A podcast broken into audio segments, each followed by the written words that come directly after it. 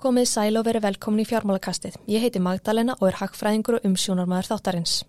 Þátturinn er tekin upp í Nova Sirius stúdíu podcaststöðvarinnar. Fjármálakastið er hlaðvart fyrir áhuga fólk um fjármál, hagfræð og efnagsmál. Þættin er komið út einu sinni viku inn á allar helstur hlaðvarpsveitur og inn á podcast.is. Ég fengi yngar til minn í dag hann Heiðar Guðjónsson, forstjóra sínar. Heiðar er hagfræðingur og fjárfæstir og hefur verið áberandi í íslensku viðskiptarlífu undanförnum árum. Í þættinum í dag mun ég ræða við hann um norðurslóðir en Heiðar er sérfræðingur á því sviði og hefur meðal annars rýta bókina Norðurslóðasók sem kom út árið 2013.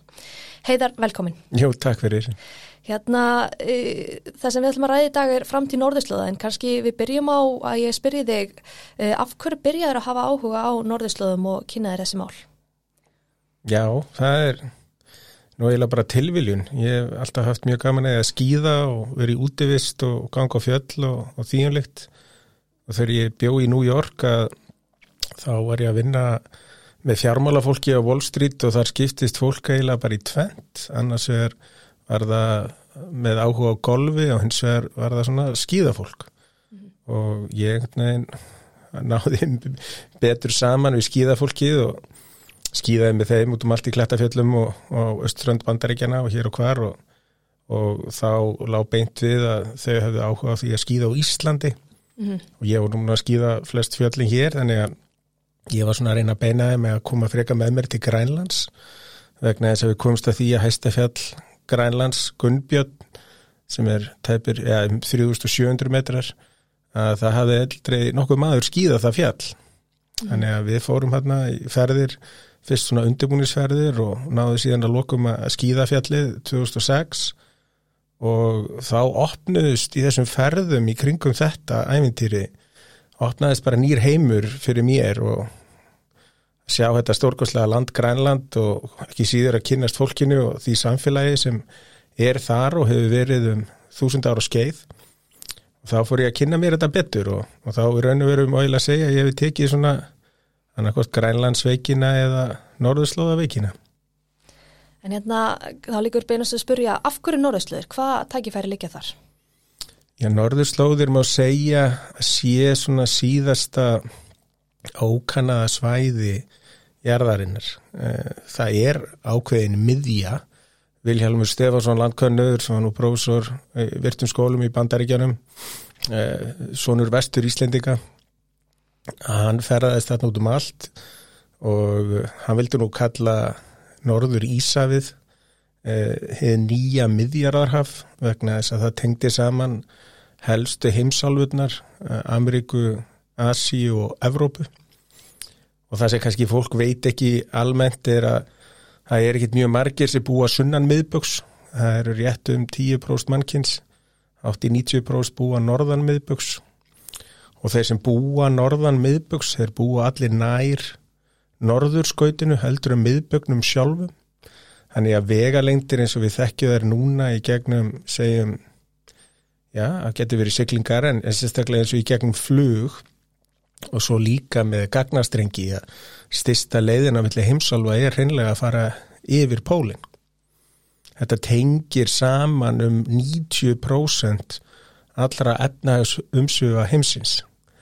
Þannig að maður sá fyrir sér að, að þarna erðu miklar samgöngubætur og framkvæmdir og fjárfestingar í einviðum og, og í framhaldana því mjög mikil tækifæri fyrir lönd eins og Ísland sem fyrir þúsund árum síðan var nokkur skonar þjónustu miðstöð fyrir uh, auðlinda nýtingu á Norðurslóðum.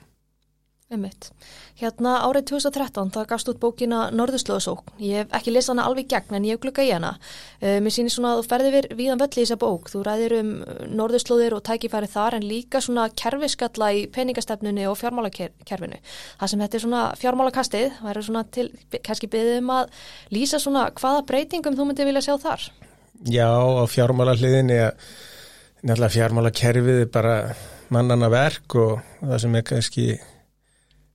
stendur eftir í dag, það er þetta ægivald Sæðilabanka og þegar ég var að læra hagfræði þá voru mínir uppáhalds hagfræðingar, það voru austurísku hagfræðingarnir. Og Ludvík von Mises sem var svona einn af þeirra fórustumennum, hann saði að þjóðargjaldmiðl var í hortsteitt kúunar ríkisins á þegnum sínum.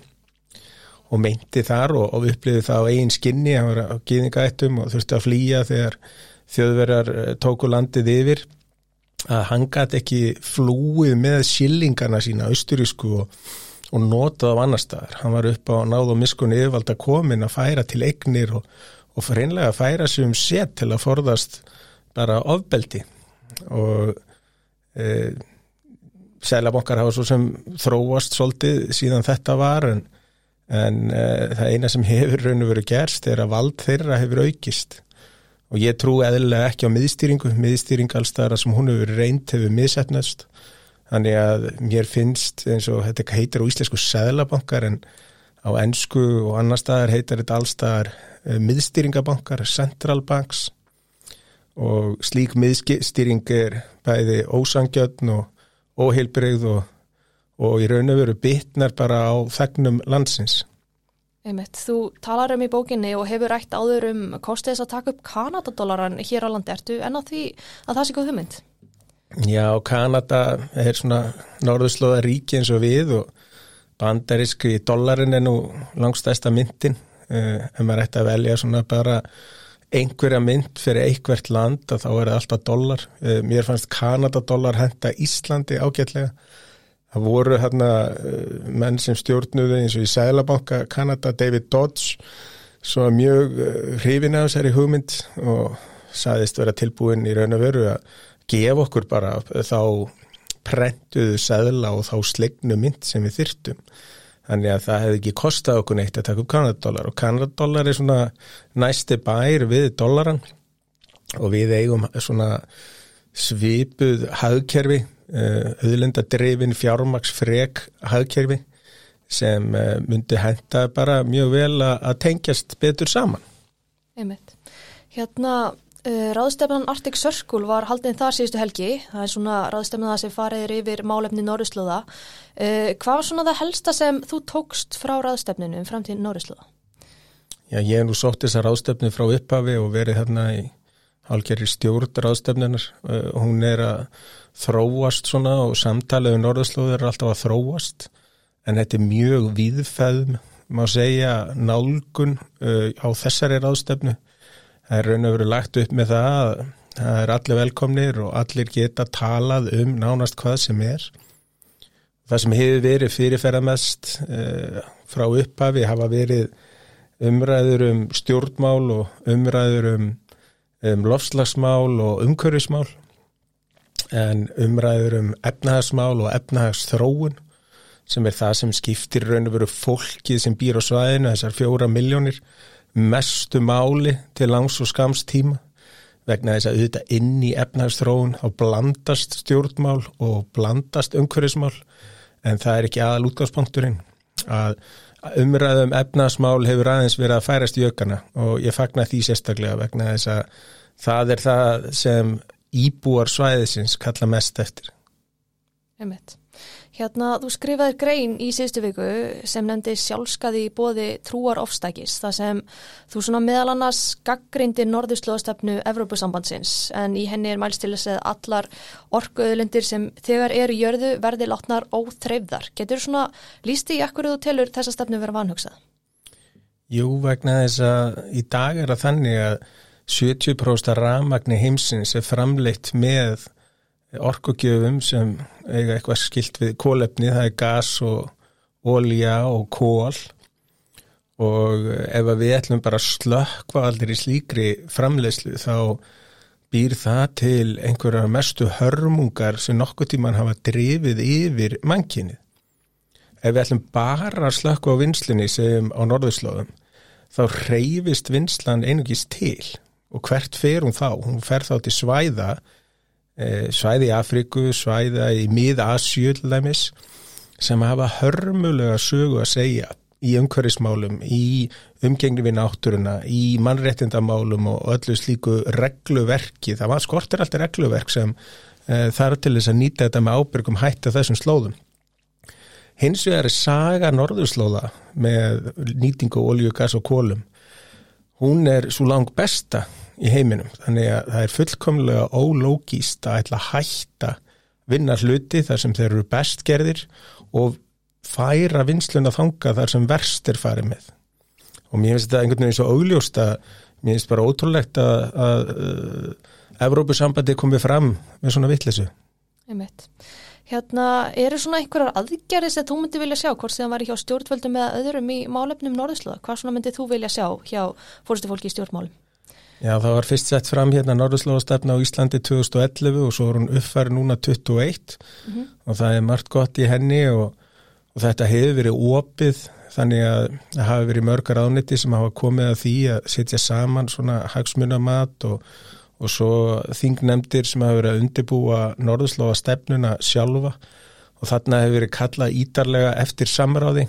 Þannig að ég til að mynda og einhverju sem hafa áhuga á þessu og hagsmunadalar, hagsmunahópar hafa sett inn ígrundar tillögur og aðtúasendir þannig að stefnan sem við rekum kannski í dag er er mun betri heldur nú var fyrir tíu árum og, og þar á undan var engin stefna. Þannig að við erum kannski svona að vakna til lífsins með það, að vakna til vitundar um hvaða stöðu við höfum. Uh, við eigum miklu meira sammert með fólki uh, á norðurslóðum heldur en fólki sem býr við miðjarahafið. Þannig að þeir sem eru að horfa mikið til Evrópusambandsins um hvað ber hæst á baui þeir fara svolítið á mis við það sem skiptir mestu máli heima fyrir. Og ég tel að við erum að gera meiri þessu. Og að setja laggirnar hjá Guðlegu Þóru Uttaríkisar á þeirra grænlandsnemnd sem skilaði á sér ágættistilugum þar hefði samt svona samstarfið eða samtalið við grænlendingarna sjálfa mátt vera aðeins meira. Eh, það þarf að nálgast þetta fólk ekki út frá eigin hugmyndum heldur að reyna að skilja þeirra hugmyndir og setja sig algjörlega í þeirra spór og þetta er einmitt eitthvað sem Európusamhætti klikkar algjörlega á í sinni stefnumörkun. Þau dæma norðurslóður út frá eigin veruleika, eigin upplifunum eigin reynslu sem er mjög takmörkuð á þessu sviði og gleym alveg í hroka sínum að spurja fólki sem býrarna og hefur árþúsundar einslega því að umgangast náttúruna með virðingu og hvernig það myndi vilja haga sínum málum. Já, hérna það eru eflust margir sem eru á hlustanðu þátt sem vilja kynna sér málefni í norðurslóða nánar. Er svona eitthvað lesafnið heimasýður eitthvað sem þú mæli með fyrir fólk sem vil kynna sér þessi mál nánar? Já, svo bók sem kannski hreyfiði mikið við mér var The World in 2050 sem kom út að með minnir 2010 eftir uh, Lawrence Smith, professor, hann var þá professor í UCLA og, og lærði hjá uh, einum mínum uppáhaldsriðtöfundi, Jared Diamonds, eða fræðimanni. Og þetta er mjög áhugaverð og skemmtileg bók. Í framhald af þessu, það eru alls konar fyrirlestarar sem hættir að sjá á YouTube með Larry Smith með í þess vegna eins og Jared Diamonds sem skrifaði í bóksinni Collapse aldrei mikið um byggðu norrætna manna, forfæðra okkar eh, og frænd okkar sem voru á, á vestuströnd Grænlas síðan var ég fórstuðu fyrir var formaður efnaðsráðs Norðurslóða sem er og fyrirtæki frá öllum þessum átta Norðurslóða ríkjum og við erum með heimasíðu sem heitir Arctic Economic Council fyrir þá sem hafa meiri áhuga á kannski umhverfismálunum og, og pólitíkinni að, að þá er Norður Skautsráðið Arctic Council líka með ítalega vinnuhópa, skýslur og annað. Og með nútíma tækni er mjög hægur vandi að verða sér út um frábærar upplýsingar. Wilson Center í Washington sem er hugveita, sem er fjármögnuða bandaríska þinginu hún er með Polar Institute og þar er eitthvað sem ég kom aðeins að sem heitir uh, The Arctic Infrastructure Inventory. Það er bara raun og veru gagnagrunnur, gagvirkur yfirlitt yfir allar þær framkvæmdir sem er að fara að eiga sér stað í innviðum á norðurslóðum núna og á næstunni. Það er mjög frólægt að fletti gegna það og sjá hvaða framkvæmdir þetta eru. Hérna, svo snúm okkur kannski í stutla öðru Þú ert fórstjóri sínar og starfaði lengi vel sem fjárfæstir og þar áður á fjármálamarkaði. Getur svona sagt mér akkur ákvæmst að taka við starfi fórstjóri sínar? Já, ég var búin að vera í stjórn uh, hjá Vodafone og svo kaupir Vodafone eignir af 365 fjölumidlarekstur í raun og veru og því miður gekk illa að binda fyrirtækin saman og samina þau og, og, og raun og veru dæmtist það svolítið á mig að, að koma þarna inn og, og breyta til.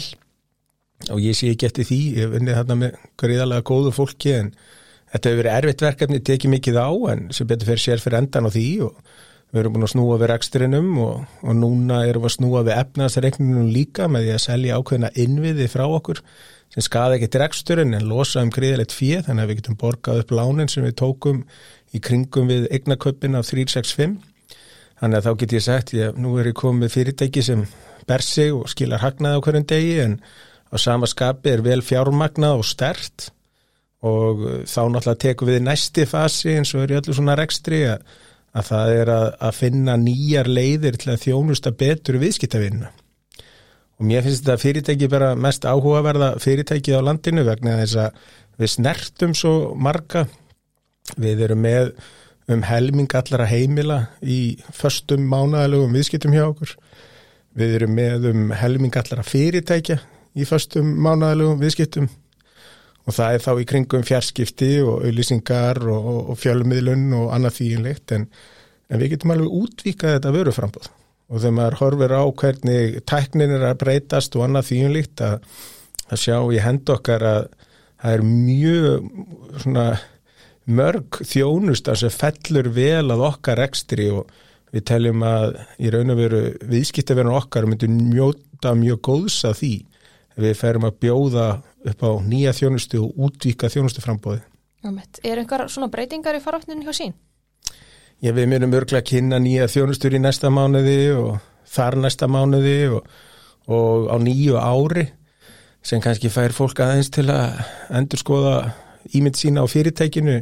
Það geta einhver sagt, já, sími, Alexander Graham Bell fann upp símar hérna fyrir 1900 og, og svo sjónvarp og útvarp eftir eitthvað sem er síðan 1900 og, og eitthvað fyrir 1930 er þetta ekki bara eldgamlar uppfinningar sem eru úr sér gengnar?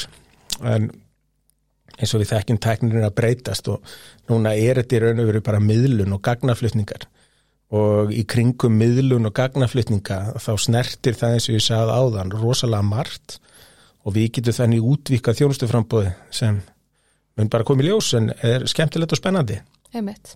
Hérna í lókþáttar þá reynir ég oft svona enda þáttin á léttunótonum þannig kannski bara byrja að spyrja þig hvað finnst þið svona skemmtilegast að gera utan vinnu? Já, allir mér finnst þetta skemmtilegast fyrir utan vinnu og fjölskyldu það er að, að vera á skýðum og vera á fjöllum það þykir mér óhefmju gaman. Og svo tengis náttúrulega inn í það að vera á fjöllum, það er líka gaman að veiða einhver staðar fjari mannabygð, það er gaman að, sagt, að skjóta fuggla og það er gaman að að eh, veið á stöng líka. Og þetta svona passar mjög vel við áhuga minn á norðurslóðum. Ég er búin að skýða hæstu fjöllin mjög víða og sérstaklega í kringum norðurskauti og þetta er eitthvað sem mað, maður þarf að halda sér í góðu formi til að geta synd og maður þarf að kunna hitt og þetta í útivist og vera skipulaður og agaður og, og, og vera í góðum hóp ekki síst vegna þess að þú ert fjarrir mannabegð og það getur verið allt upp í tvær vikur í einhver getur komið og sóti ef eitthvað kemur upp á þá ég gott að kunna svona sitt lítið að hverju. Þetta finnst mér mjög hillandi þetta er svona uh, gefur manni ákveði sjálfströst að maður getur lifað af við, við einar óvæntustu aðstæður Já, hérna, þú nefndir hérna nokkra bækur um norðurslóðir en þú ættir að mæla með einni bók, kannski ekki tengt norðurslóðum, fyrir hlustendur fjármálakassins, hvaða bók væri það? Já, ég, það er nú svo ótrúlega marga bækur um fjármál og hagfræði sem ég finnast bara stórkostlega. Já, mátt alveg nefna nokkrar.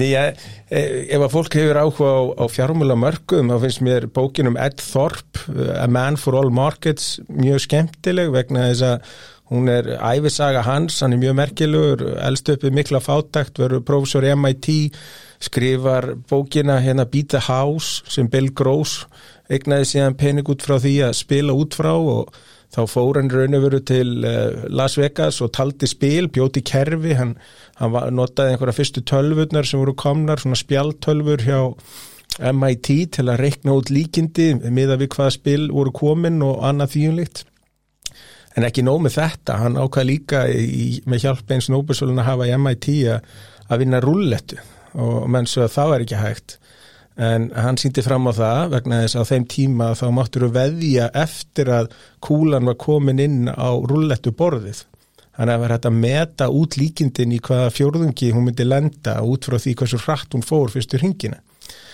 Og síðan eftir það stopnar hann einhverja fyrstu svona uh, hvað getur maður sagt, kvantitativ uh, svona tölfræði uh, vonasjóðina og, og sem voru hérna í krigu 1960 en er ótrúlegur, ég meina hann stundar eða þá kraftliftingar og liftir heilmiklu í réttstöðulifti en er nýraður og ótrúlega magnaða kall en svo er náttúrulega bara endalust af bókum sem eru góðar. Uh, ég hafði mjög gaman að George Soros er ekki, kannski, hann er kannski ekki allra en uh, síðan er þetta hagfræði bækur bara skemmtilegar. Bækurnar hans Hayek þó að það er séu kannski svolítið þungar að þá er það rosalega vel skrifaðar og fullar af ótrúlega miklum fróðleik Emitt. Hérna, er svona eitthvað að lókum sem þú myndi vilja koma á framfæri, eitthvað sem, sem við náðum ekki að fara yfir, kannski málefninu og orðinslaða? Nýja bara tækifærin í krík og norðurslóður eru mjög mikil, sérstaklega fyrir Ísland og einhverjum kann að þykja uh, púkó að vera í einhverjum svona harðhausa skóm eða einhverjum kuldaskóm upp á uh, lítróðunum slóðum. Vil freka verið í lakkskóm einhverstaðar í Róm eða Madrid. En eins og Sóru sagði sko peningar er svolítið eins og sveppir. Þeir, vak, þeir vaksa best á svona dimmum rökum stöðum þar sem sóliljósið nýtur mjög sjaldan. En ef að fólk ætlar að finna eitthvað þar sem áhættan er hugsalega minni en ávöxtunin meiri þá þarf að fara svolítið utan alfara leiðar og með því að taka þátt í efnaðsupingu á norðurslóðum að þá vinst tvent og bæði að hjálpa fólkinu á svæðinu gríðarlega og þú ert að taka þátt í uppbyggingu sem verður alltaf uh, svona umhverfisvætni heldur en á flestum öðrum stöðum og svo er bónusinn að, að þú ættir að fá meira upp úr krafsinu heldur en annar staðar. Heiðar, þakka kærlega fyrir komina. Fjármálakasti verður ekki lengri í dag en ég vil þakka ykkur kærlega fyrir hlustunina og vil minna ykkur á að fylgja fjármálakastin á Facebook og Instagram en þar koma allar upplýsingar um nýjustu þættina. Verið sæl.